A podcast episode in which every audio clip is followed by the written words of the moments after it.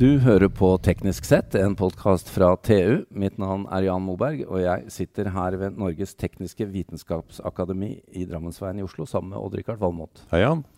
Odd-Rikard, vi er her, det er en litt sånn høytidsstund å komme inn hit. Det er det. Ja. Det er jo hele bygget oser jo av høytid Ja. og alderdom. Ja, Ja, sånn som oss. så bidrar litt her, da. Og i dag så, så har vi jo en, eh, en både en eh, spenstig, ærverdig og, og eh, vi si, en, en gjeng verdt å feire med oss.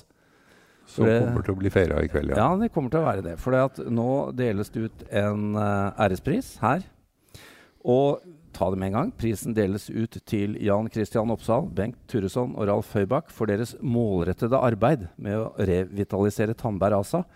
Fra en gryende start i 1988 til å bli et selskap med global industriell dominans innen produkter og systemer for videomøter. Det er ikke småtteri. Nei. Dette har du fulgt med på helt siden eh, den gang. Ja, øh, spesielt de siste åra, vil jeg si. Det har jo vært ja. fantastisk. Og Men- grunnen til at Oslo nå kalles for Video Valley, ikke sant. Ja, Vi sitter jo mye på video, du og jeg, eller har gjort de siste halvannet åra. Så Ja. vi ser jo at dette er viktig. Og Ja. Nå, nå er vi nysgjerrige her, og vi har jo alle disse tre herrene med oss. Og jeg bare henvender meg først til Jan Christian Oppsal. Det står her 'målrettet arbeid'. Hvor, hvor målrettet var det egentlig da, i starten? Um, I 1988 så hadde jeg vært visekonsernsjef i Aker i seks uker. Og så fant jeg ut at jeg var ikke noen sånn mann som skulle sitte i store konserner, så jeg ba sjefen om å ta et by- en, enveisbillett til et varmt sted. Og gikk ut døren. Så ringte Tarald og sa at dette var fantastisk. Eh, vi må dra opp til TF oppe på Kjeller, hvor det er et fantastisk forskningsmiljø. Også med FFI og Noratom Nord-kontroll osv. den gangen. Og de har mye teknologi. Det begynte allerede da å danne seg et bilde av at uh, Televerket, som da senere ble Telenor, skulle bli ren profittmaksimeringsbedrift, og derfor ikke ville utvikle teknologi. Mm. Der var det så mye spennende teknologi at jeg tror ingen i Norge var klar over det. F.eks. så var jo de langt, langt foran på mobiltelefoni, som jo en viss finsk bedrift tok over. Det var, de var langt, langt fremme på basestasjoner. Mye lenger fremme enn svenskene var, men de tok over det. Eh, Fast, som jo Microsoft kjøpte, det kom ut fra det miljøet. Så hadde de to ting som vi var interessert i. Det var eh, kompresjon og dekompresjon av, eh, og multiplexing av eh, digitale signaler. Vi skjønte fort at på høye båndbredder så skulle det brukes på televisjonsoverføring. Og eh, på lave båndbredder så skulle det brukes på videokommunikasjon. Så de to plukket jeg opp. Betalte 10% av bedriftens aksje i godtgjørelse for det. Tok med det hjem. Sa opp alle ansatte i Tandberg. Satte meg på en tom ølkasse og en stearinlys og begynte. Det var en sped begynnelse, ja. Det var en sped begynnelse. Men vi var da børsnotert. Vi hadde Tarjei Brøvik og Terje Michaelsen, som jo fortsatt var da folkehelter, for de hadde jo Norsk Data på topp. Mm. Og eh, de måtte opprettholde bedriften. fordi at den gangen var det jo slik at for å få lån i banken, så måtte du ha enten bygg eller en annen eiendom. eh, Land. Og det hadde jo Tandberg. Og det trengte Norsk For det var første gang Norsdata holdt på å gå på dunken. Så da brukte de Skullerud-eiendommen ja. som pant. Og derfor så måtte ikke denne bedriften gå skeis. Så her var det litt finansakrobatikk Akrobatikk. i bildet. Helt riktig. Fremforbart underskudd har, eh, går det rykter om òg. Ja, og det fikk vi faktisk glede av, men det vet jo alle. som altså. Ja, Hvis det eneste du tenker på er å spare skatt, så går det iallfall til helvete med bedriften. Da Mm. fokuserer du feil. Men det er riktig at vi en del år uh, utover 90-tallet Vi var jo takket være Ralf og Bengt alltid lønnsomme fra dag én. Så, så slapp vi den skattekostnaden i de årene, og det var nyttig. Men fra ølkassa, Ja. hva, hva skjedde da egentlig? For da, da var det jo en teknologi som var benyttbar fra uh, Ja, De hadde da laget den her TT4001, som var en, eh, den kassen som var eh, kompressoren og dekompressoren, som du da kunne overføre bilder med. Og så hadde du en gammel monitor som du brukte. Så du satt to rom ved siden av hverandre og kunne kommunisere. Mm.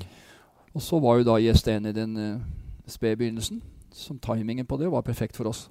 Så Ja. da satte vi opp et felles prosjekt, Tandberg og TF, altså Televerkets forskningsinstitutt, og med mål å lansere en fungerende videotelefon over det nye telenettet eh, i SDN, som skulle lanseres da i oktober 91. Og dette kan Bengt Turesson fortelle litt om. Ja, og Bengt, dette, dette Du syns den ølkassa, så uh, den kan du hive deg rundt og, og gå i gang med og, å starte selskap. Eller videreføre. Ja, jeg ble jo invitert inn i selskapet av uh, Jan i november uh, 1989. Og da var det jo et prosjekt som jeg må kunne si sprikte i alle bauger og kanter. For det var jo da en, en 30-40 forskere oppe på TF som ikke var så veldig målrettet i produktutvikling. Og vi hadde en sped begynnelse med fem-seks ingeniører i Tandberg. Og så var det da denne 9. oktober 1991, den uh, Telekom svære messa i Genéve som de kaller for OL i Telekom, for den arrangeres hvert fjerde år. Ja. Den ville ikke bli flyttet noen uker hvis vi ble forsinket. Nei. Og da var det fire år til neste mulighet. Så det var et uh, voldsomt kjør. Vi hadde dyktige mennesker. Det var å organisere opp. Det var å øh, ja, uh, få den til å gjøre mindre, den til å gjøre mer. Og etter hvert altså, fikk man snekret dette produktet sammen. Man, det fantes jo ikke kraft nok kretser, så man måtte bruke Xilinx-kretser og programmere de opp fra bunnen. Ja. Man skulle utvikle kabinetter. Man lagde en integrert løsning man måtte ta teknologiske valg. Man valgte da en CRT-skjerm og ikke en flatskjerm, for flatskjermen var for dyr og ikke god nok mm. lysfølsomhet. Så det var mange valg som skulle tas. Og oppi det hele så var det jo en del morsomme ting også. Uh, vi brukte litt uortodokse metoder. Så man lagde dette kabinettet i en teknologi som heter Rimcast, hvor du kan lage en prototypserie ganske enkelt med gummiformer istedenfor sprøytestøping. Ja. Eh, produksjonen av dette, de skulle lage da 30 sett, den foregikk i en garasje borte i Midt-England. Og eh, for å si det sånn, eh, det var en stram odør av kjemikalier som møtte oss når vi var der borte for å se hvordan dette gikk. For gutta var i ferd med å bli forsinka. Ikke helt Arbeidstilsynets uh, regler Nei, i dag? Nei, det, det, lå fire mann og pusta for å få inn litt oksygen på plenen. I dag hadde vi bare printa det ut. ikke sant? Og da skjønte vi at uh, skulle man belønne noen her, så var det ikke eieren av bedriften, det var gutta. Ja. Så Per Haug Kokse, vi fant ut at 2000 pund, som ble satt inn i konto på den lokale puben Gutter, dere får øl for 2000 pund hvis dere blir ferdig i løpet av tre uker. Men det må drikkes opp i løpet av en måned. Det, det, fungerte. Det er ikke rart dette ble en suksess. Richard. Nei, det var riktige incitamenter, altså. Ja, og til riktige personer. Ja. Mm. Hvor fikk du CRT-en fra? Ja, Det var jo uh, vår gode venn uh, Robert da, ja. som uh, sa at vi må velge en CRT-løsning. En vanlig billedrørmonitor ja. og ikke en flatskjerm. Og Det var et uh, valg som mange syntes var rart, men som var svært fornuftig og riktig. Men, men før vi slipper dette det og, og, til slutt, eneste sted i verden du kunne få tak i det, var i Romania. Ja. T-skjermen, ja. Nei. Ja, CRT-skjermen. Unnskyld. Ja, ja. Men uh, tilbake til Genéve. Det ble jo en suksess. Det ble en, uh, det ble en suksess. Ja. Og Per Kokstad, som jo liksom var markedsmann i dette, han hadde fått tak i en fantastisk beliggenhet på stand. Det var liksom rett opp rulletrappa, så ramla du inn på standen vår. Og eh, det som var spesielt, da, var at disse kabinettene var litt uh, løse i fisken. Så når det ble jækla varmt på messa, så begynte de å sige. Men da fant vi ut at hvis de stabla korkene fra halvliterflasker med cola under, så gikk det bra. Så vi, jo, vi måtte jo fly på toalettet hele tida for å få telt ut cola så vi hadde nok. da. Og vi hadde strålingsproblemer med kamera. Det løste vi med sjokoladepapir fra sølvpapir fra Toblerone. Så det, var en del fram og tilbake. Ja, ja, men, men da fikk fantastisk. vi den initielle kontakten med British Telecom, så ble Tombergs største kunde gjennom tiden. Og da fløy det. Fra da av fløy det. Da begynte det å fly. Ja. Det var fantastisk. Ja, det var noen skritt innover, da. Jo da. Det fløy ikke helt eh, Det var noen Ja, det vil jeg tro. Det har noen false starts. Dere er tre som mottar pris her i dag. Og Ralf Høybakk, du har jo også vært med på dette. Mest uh, som uh, styremedlem, har vi skjønt? Ja, uh, og jeg har, jeg har, lyst til å addere meg til det som Jan Kristian og Bengt har sagt. for det som ikke er så godt kjent, det er jo at det å utvikle Tandberg fra denne starten i 1988 ja. til det selskapet som ble solgt til Cisco i 2010, det var å gjøre det umulige mulig. Og vi har akkurat hørt fra Bengt noe av det som gjorde at man kunne gjøre det umulige mulig. Um, og hvorfor umulig? I hele markedet for videokonferanseutstyr eh, i de første ti årene i alle fall, var i hovedsak i USA. Ja. Og de største konkurrentene var amerikanske konkurrenter. Picturetel, som ble etablert i 1984, fire år før Tandberg. Polycom, som ble etablert omtrent samtidig med Tandberg. Mm. Utover i 90-tallet så hadde Picturetel en markedsandel worldwide på 60% Polycom opparbeidet seg en markedsandel på 20 det betyr at Tandberg og de andre slåss om de siste 20 av markedsandelene. Mm. Det er en egentlig, det vet alle som har drevet uh, internasjonal virksomhet, det er en umulig situasjon. Den skal egentlig ikke gå. Nei.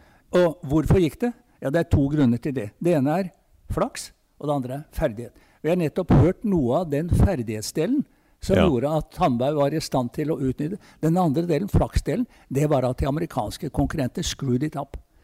De tjente nesten aldri penger. Altså eh, Picturetel, som hadde 60% av markedet gjennom hele 90-tallet, tjente ikke penger. Og til slutt så ble altså uh, eierne så lei av å, å, føre til penger at de sa vi selger dritten. Ja. Og så solgte de Picturetel til den andre konkurrenten, Polycom. til Polycom.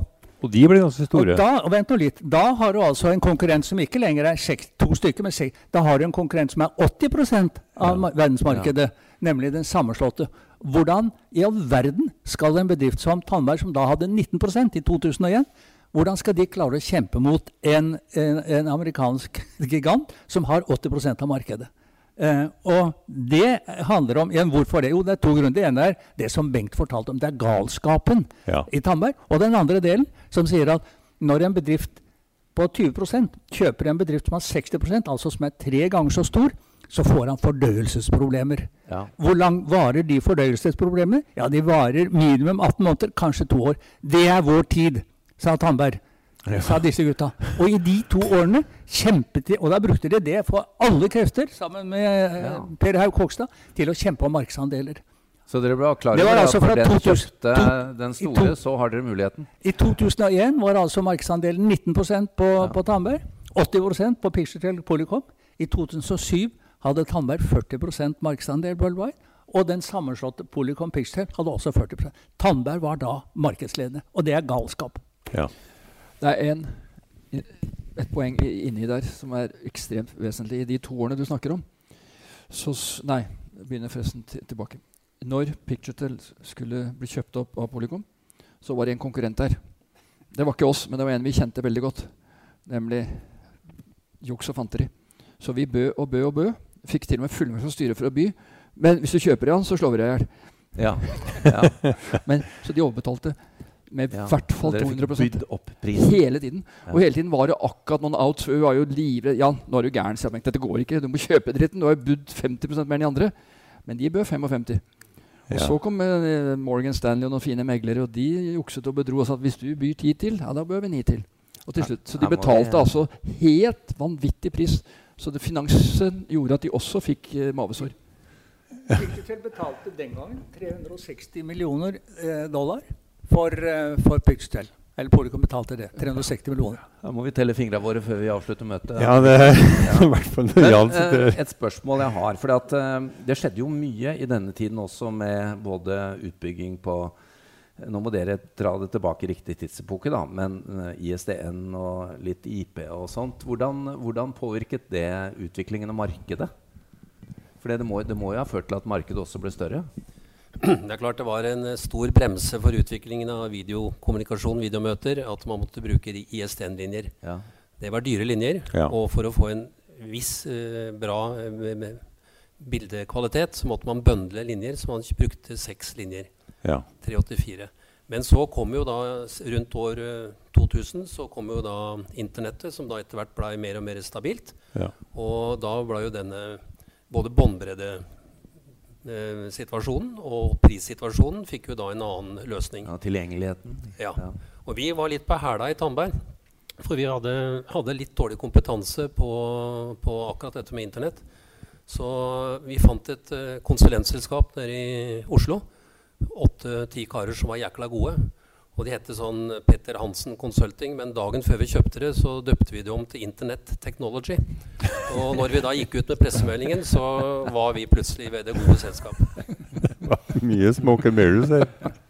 Ja, her, er, her er, det en del å lære. Da, for, eh, for det, er, det, er, mye gründervirksomhet i Norge nå. Uh, og jeg hører jo, Det er sikkert ikke lett å kopiere det dere gjorde, for du skal jo være smart når du trenger det der og da. Så, eh, men hvordan, hvordan, var den norske kompetansen? Altså, dere sitter jo her, men uh, eh, TF har dere snakket om. Altså Televerkets uh, forskningsinstitutt. Forskningsinstitutt ja. Uh, var, det, var, det, kompetanse dere fikk med dere? Var det nok kompetanse i Norge, eller hvordan løste dere det? Ja, vi bygde, bygget veldig stort på miljø på TF. Vi ansatte jo en del av disse, f.eks. Gisle Bjøntegård, ja. som er en unik person i, i Norge. Ja, eh, virkelig. Eh, som lagde altså MPX 1-standarden eh, og 2-standarden. Han eh, jobbet hos oss, så vi tok over en del av disse dyktigste. Ja. Og så ansatte vi jo alle de dyktige vi kunne få fra Trondheim hvert år. Det er ikke mange som kom ut derfra, så til slutt så ansatte vi omtrent samtlige. eh, og så måtte vi få impulser fra utlendinger, altså utlendinger i bred forstand. Ja. Så for så vidt så var ikke det noe problem. I første fasen, i 88, så var jo Norge ordentlig ute å kjøre som mange land i verden. Og da var jo folk bare glad for å få jobbe hos oss. Ja. Nesten ikke hatt lønn. Og så fikk du en smell i 2000-2001. Da var det igjen lettere å få tak i folk. Så vi hadde to Vi hadde to bølger der hvor vi ja. kunne nyttiggjøre oss det. Ja. Så vi må, jo, vi må, jo, nevne da at ut av dette eh, Nå er dette bare en del av historien, men ut av dette har det jo kommet en rekke eh, selskaper som nå eh, er spenstige og nyskapende. Pexip, Akano, Hudley, Whereby, Nevion, Neat og Richard. Det ja, det, og det kommer stadig, stadig nye. Jeg blir ja. overraska hver gang over at det springer ut nye selskaper i alle retninger. Ikke bare på video, men på lyd og, og gud vet hva. Og det, og det, det øker. Det virker som det øker mer nå enn noe, noen gang.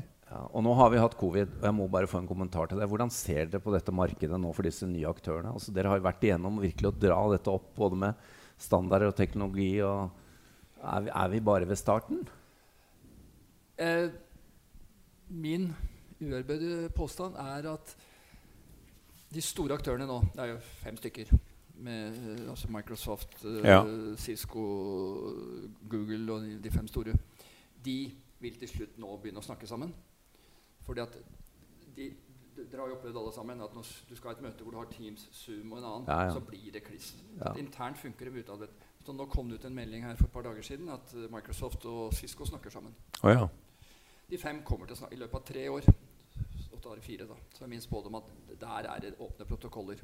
Akkurat som det har vært i telefoni i all verdenshistorie. I, uh, I gamle dager ja. når du plukket opp en telefon, så var det veldig enkelt å snakke med andre. Ja. Det kommer til å skje. Og da kan du ikke levere metoo products.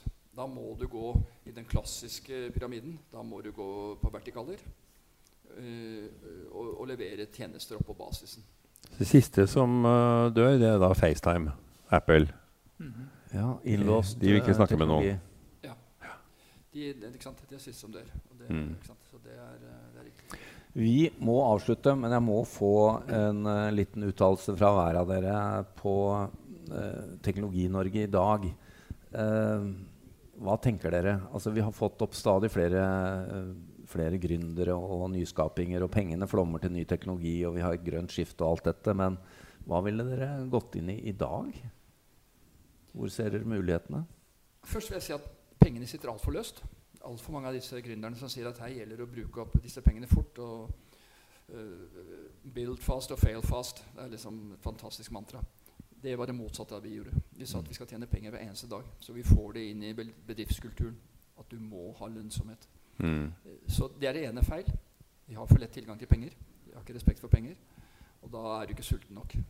Uh, det er vel mitt viktigste budskap. Og staten burde da heller bruke penger på utvikling selv om det er sentralstyring, altså det vi begynte med å snakke om, med miljøene oppe på Kjeller for eksempel, ja, ja. på Kongsberg, den kraften som var der, at ikke det er blitt videreført, det er en nasjonal tragedie.